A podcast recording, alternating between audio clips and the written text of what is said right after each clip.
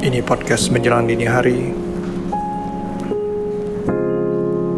Sama gua Bang Tipen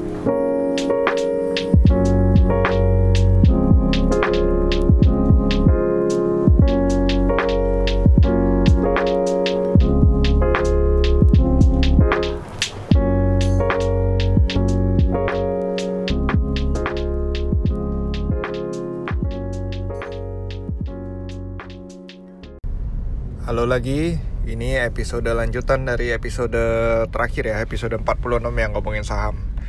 So, bisa dibilang ini kayak series lah ya, biar orang juga lebih ngerti. Gue dulu sempat salah satu orang yang apa, ya pengen lah lebih banyak uh, pemain saham yang retail gitu, yang yang kecil-kecil supaya kita nggak pasar saham kita nggak semudah itu digerakkan oleh bandar. makanya kayak orang-orang di Hong Kong di Amerika tuh banyak sekali uh, pemain retail pemain kecil-kecil kayak kita yang hanya beli misalnya berapa cuman investasi anggaplah 30 juta 50 juta di dalam pasar saham itu untuk untuk uh, ya masa depan kita lah ya investasi. Oke yang kali ini pengen gue bahas adalah sebuah pertanyaan. Gue buka dengan sebuah pertanyaan. Apakah saham itu judi itu paling sering diomongin di orang. Saham itu judi jadi mainin. Nggak bagus itu bahaya. Ya sekarang gue tanya kembali. Lu kalau um, beli motor bukan beli motor maksudnya jual beli motor itu judi nggak? Judi kalau lu nggak tahu. Kenapa gue ngomong begitu? Ya kalau misalnya lu anggap lu beli motor vario terus lu jual lagi gitu tapi lu nggak tahu harga pasaran berapa. Judi nggak? Anggap uh, tiba-tiba ada yang lu lu beli di harga I don't know misalnya lu dapat harga murah dan lu bisa jual dengan untung yang lebih besar gitu. Misalnya Vario kan pasaran berapa sih? 15 juta ya. 12 12 sampai 15 lu bisa jual anggap 20 juta gitu. Ketemu orang bego yang beli. Itu lu bisa bilang dong wah gila gue cuan gede banget itu itu judi nggak? Nggak kan nggak ada nggak pernah ada yang bilang orang jual beli motor itu judi. Karena uh, pas harga pasaran ketahuan jelas berapa. Dan memang udah ada orang bilang ya ya patokannya gitu kan. Nggak nggak bisa nggak bisa lebih dari situ. Wah kalau misalnya turun juga nggak bisa lebih dari situ. Ya pasaran misalnya berapa uh, paling paling rendah misalnya 12 juta ya udah 12 juta. Ya paling tawar-tawar 11 gitu kan. 11 juta atau 11,5 uh, kalau misalnya properti jual beli rumah judi nggak? Nggak kan? Karena itu investasi gitu itu investasi itu bukan uh, bukan judi. Nah sama halnya sebenarnya kayak saham. Kalau orang lu mau melihat itu sebagai suatu uh, judi dan karena karena orang bilang kayak wah itu itu kayak orang bilang kayak blackjack aja. Wah pasuk pasang tercabut. Pasang cuan gede cabut masuk uh, pasang rugi. Ya udah cabut. Ya ujung-ujung ya ya jadi kayak gitu jadi kayak spekulan. Kenapa? Kenapa kita melakukan hal itu? Karena ya kenapa disebut judi? Ya karena nggak dia nggak berdasar nggak berdasarkan data. Nggak berdasarkan dengan analisa yang udah ada. Kalau misalnya ada datanya ada analisanya ya ya anggap misalnya kayak kita harga properti misalnya daerah Jakarta Barat gitu harganya seberapa harga Jakarta Timur harganya berapa? Anggaplah misalnya kayak di Kelapa Gading dulu ada jual ruko harga 10 m. Semua orang bilang wah itu kemahalan dari harga pasaran. Ada orang tahu harga pasaran kan? Berarti kan udah ada harga pasaran. Tapi itu ruko tetap terjual habis dan sekarang mungkin udah nyampe 20 m kali. So does people think 10 m itu masih mahal setelah harga dia mencapai 20 M Enggak dong jadi murah kan? 10 M jadi murah setelah harga rukonya menjadi 20 M. Dan itu semua ada ada historical datanya yang bisa dilihat gitu. Oh dulu sekian sekian tapi apakah nilai sebenarnya tanah itu 20 M? Belum tentu. Nilai sebenarnya belum tentu sekian cuman karena harga pasaran sekian. Oke? Okay? uh, eh, sebentar ada bus lewat. Nah kalau misalnya kita udah punya datanya uh, saham nih data saham tiba-tiba dia lompat tinggi wah kita bisa dong bilang dia ke harga saham kemahalan dan kita nggak mau beli. Bisa kan? Kalau misalnya kita beli berarti resiko siapa? Resiko pembelinya dong resiko kita kan? Kalau kita tetap masih mau beli setelah kita udah tahu uh, harga saham itu mahal. Tapi apakah berarti saham itu uh, akan drop turun. Ya nggak juga. Kayak misalnya uh, dulu balik lagi gue ngomongin bumi yang sempat nyampe ke level 8000 per lembar sahamnya dijual. Karena dulu orang lagi hot itu bumi sebelum tahun 2008 ya sekitar 2004an ya kalau nggak salah. Itu kan bumi lagi hot banget tuh. Itu kayak hampir saham sejuta umat deh hampir semua orang pasti pegang bumi. Dan di sana 8.000 rupiah per lembar saham itu udah kemahalan sebenarnya. Cuman ya pasar masih bergerak di situ. Waktu drop sampai ke level 400 atau 200 ya 200 rupiah banyak yang teriak. Tapi ya that's the value. Tapi itu ya memang karena si bumi sendiri juga pertama dia kena efek emosional pasar efek fear efek ketakutan pasar yang dia langsung lepas dijual jual jual jual. Dan juga memang harga sahamnya sebenarnya segitu kali ya. Uh, eh, gue nggak ngeliat chartnya sih. Jadi ya gue nggak baca keuangan apa laporan finansialnya uh, bumi itu bagaimana waktu itu. Jadi ya mungkin memang harusnya nilainya segitu. Makanya dia bisa turun sampai the real value.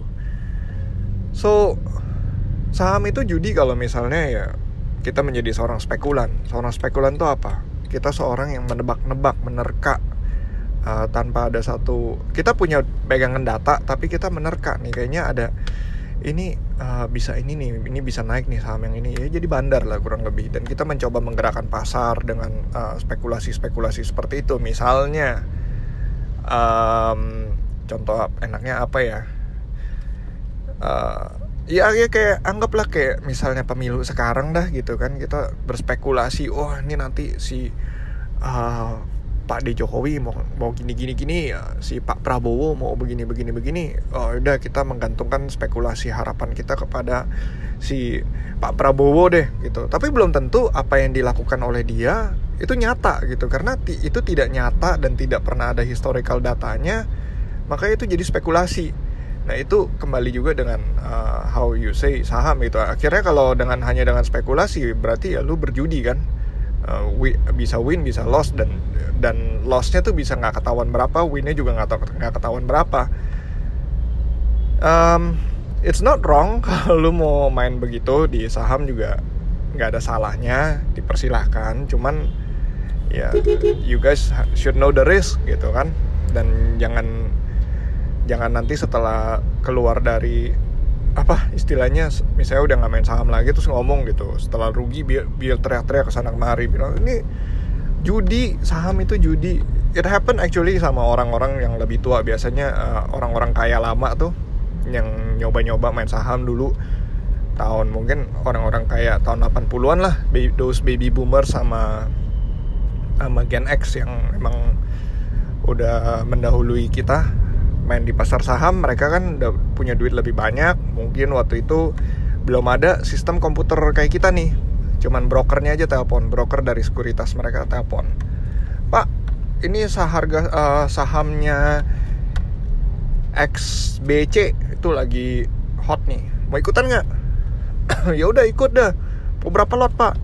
Ya beli dikit aja dah. 5 lot dah kalau cuman buat iseng-iseng begini doang Wih jangan pak, nanti ini lagi mantep ini. Ini saya dengar rumor-rumornya mau dikerek nih, mau naik, mau digoreng sahamnya. Oh iya yang bener Ya cuannya minimal 20-30% Ya udah oke okay, oke okay, oke. Okay. Ikutan dah, masukin 50 lot. Dulu satu lot tuh 500 lembar saham loh. Jadi satu lot 500 lembar, anggap satu lembarnya 8000 Bayangin harganya berapa. Ya kan? Nah, uh, hitung sendiri ya, gue lagi di jalan nggak bisa ngitung. itu uh, ya makanya dari sana lah dan akhirnya kalau sampai jatuh wah pak ternyata uh, gorengannya kurang kurang makjus nih. Soalnya penggorengannya kualinya nggak ada naganya. Kompornya nggak ada naganya. Jadi akhirnya sahamnya melempem nih. Nggak jadi nih. Merugi nih. Turun. Gimana pak? Mau jual nggak? Ya udah dah jual gitu. Ya udah ya udah jual aja. Eh dua hari kemudian sahamnya berhasil digoreng sama bandar dan akhirnya lompat tinggi. Waduh ini makanya kenapa di, di sering disebut sama orang orang-orang lama itu bilang saham itu judi. Karena ya ya mereka melakukan hal itu. Mereka nggak punya basis data analisa. Buat dianalisa nggak melihat laporan keuangan. Laporan keuangan itu kan nggak segampang sekarang kan. Kita melihat tinggal lewat online cari aja websitenya. Cari laporan keuangan uh, buat kalian yang suka ini uh, maksudnya suka dengan tertarik banget memang mau tahu laporan keuangan dan analisa-analisa teknikal itu bisa cek aplikasi namanya Stockbit. Gue nggak disponsorin. Sekali lagi gue nggak disponsorin cuman Stockbit itu aplikasi yang sangat lengkap. Menurut gue itu fitur yang bakal ngebantu gue banget waktu gue main saham. Harusnya uh, ya gue udah nggak punya waktu lagi sekarang karena gue lagi punya um, jalanin usaha kan udah susah lah untuk gue bisa main saham sementara. Cuman kalau kalian yang memang mau terjun ke dalam situ lo harus punya itu aplikasi Stockbit itu bagus sekali. Terus um, si itu kalau misalnya kalian tahu mungkin ya sesama podcaster kita podcaster Indonesia itu ada namanya si Bang Vincent dari Postinor. Dia kan punya bisnis baru tuh kayaknya dia join nama partner dia. Buka namanya Big Alpha Indonesia. Jadi Big Alpha Indonesia itu akan memberikan laporan-laporan per kuartal mengenai kinerja perusahaan itu berguna banget buat fundamental analysis. Fundamental analysis itu ya melihat laporan keuangan. Jadi benar-benar kinerja perusahaan secara real, bukan emosional yang terjadi di saham. Itu penting kalau kalian mau melakukan value investing untuk ngerti dan baca uh, laporan keuangan.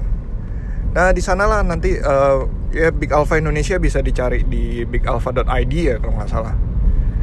Um, atau di telegramnya Big Alpha apa. Boleh boleh kontak langsung ke Vincent di Twitter atau ya kalian dengerin aja Postinor. Dia punya Twitter apa.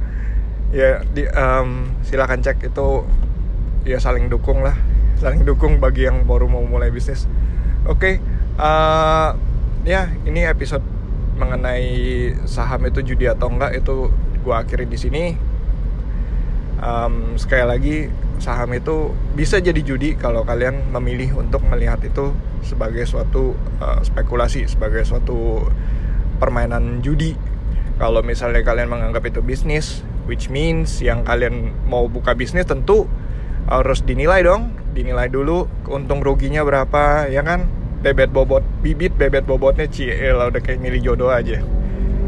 Uh, terus juga uh, apa jual barangnya apa nah kalau misal bisnis tentu ada juga rugi kan. Biasa bisnis tuh setahun pertama tuh belum tentu balik modal loh. Kadang-kadang bisa rugi loh. Ya ya gue ini udah kecurcol aja gue setahun pertama gue jalanin bisnis tuh tiap kali selalu kayak orang bodoh gitu. Merasa dibohongin oleh pasar. Jual barang kemurahan lah ntar di apa barang atau enggak dimakan orang lah diutangin dia nggak mau bayar dia kabur segala macam gitu. Itu banyak sekali kerugian kerugian seperti itu. Ya makanya itu sama lah seperti saham. Jadi anggaplah tahun pertama itu kalian bermain itu sebagai suatu masa-masa uh, belajar. Oke jangan khawatir kalau sampai rugi atau gimana. Uh, dan selalu ingat untuk kalau sebelum membeli atau menjual cari basis datanya apa selalu cari basis data supaya nggak dianggap itu judi kalau memang kalian nggak mau anggap itu judi be serious about that kerjakan PR muna oke okay? sampai sini dulu talk to you guys next time bye bye Hey podcast listener, thank you for listening and thank you for giving me your attention. Kalau mau reach gue bisa di Twitter @bangtipan atau di Instagram juga bisa di @podcastmdh. Uh, kalian bisa dengerin podcast gue sebenarnya di berbagai platform ya um, Castbox, uh, Overcast, Apple Podcast, Google Podcast. Cuman Spotify ini yang belum masuk. Uh, gue juga pindah ke pindah hosting ke Anchor, jadi harusnya sebentar lagi masuk ke Spotify. I'll let you know. Kalau menurut lu podcast gue itu menarik dan bisa di share, tolong bantu gue untuk uh, menyebarluaskan podcast gue ini tolong di share ke teman-teman dan keluarga. Uh, it will be very helpful. Dan selalu jangan lupa subscribe uh, follow tinggalin rating dan comments. Uh, kirim pesan apa aja um, topik yang mau gue bahas atau pertanyaan atau kritik dan saran silakan. Kirim aja bisa ke email juga bisa. Oh ya email di menjelang dini hari at outlook.com oke okay? atau di social media DM aja langsung. Alright sekali lagi. Thank you. Bye bye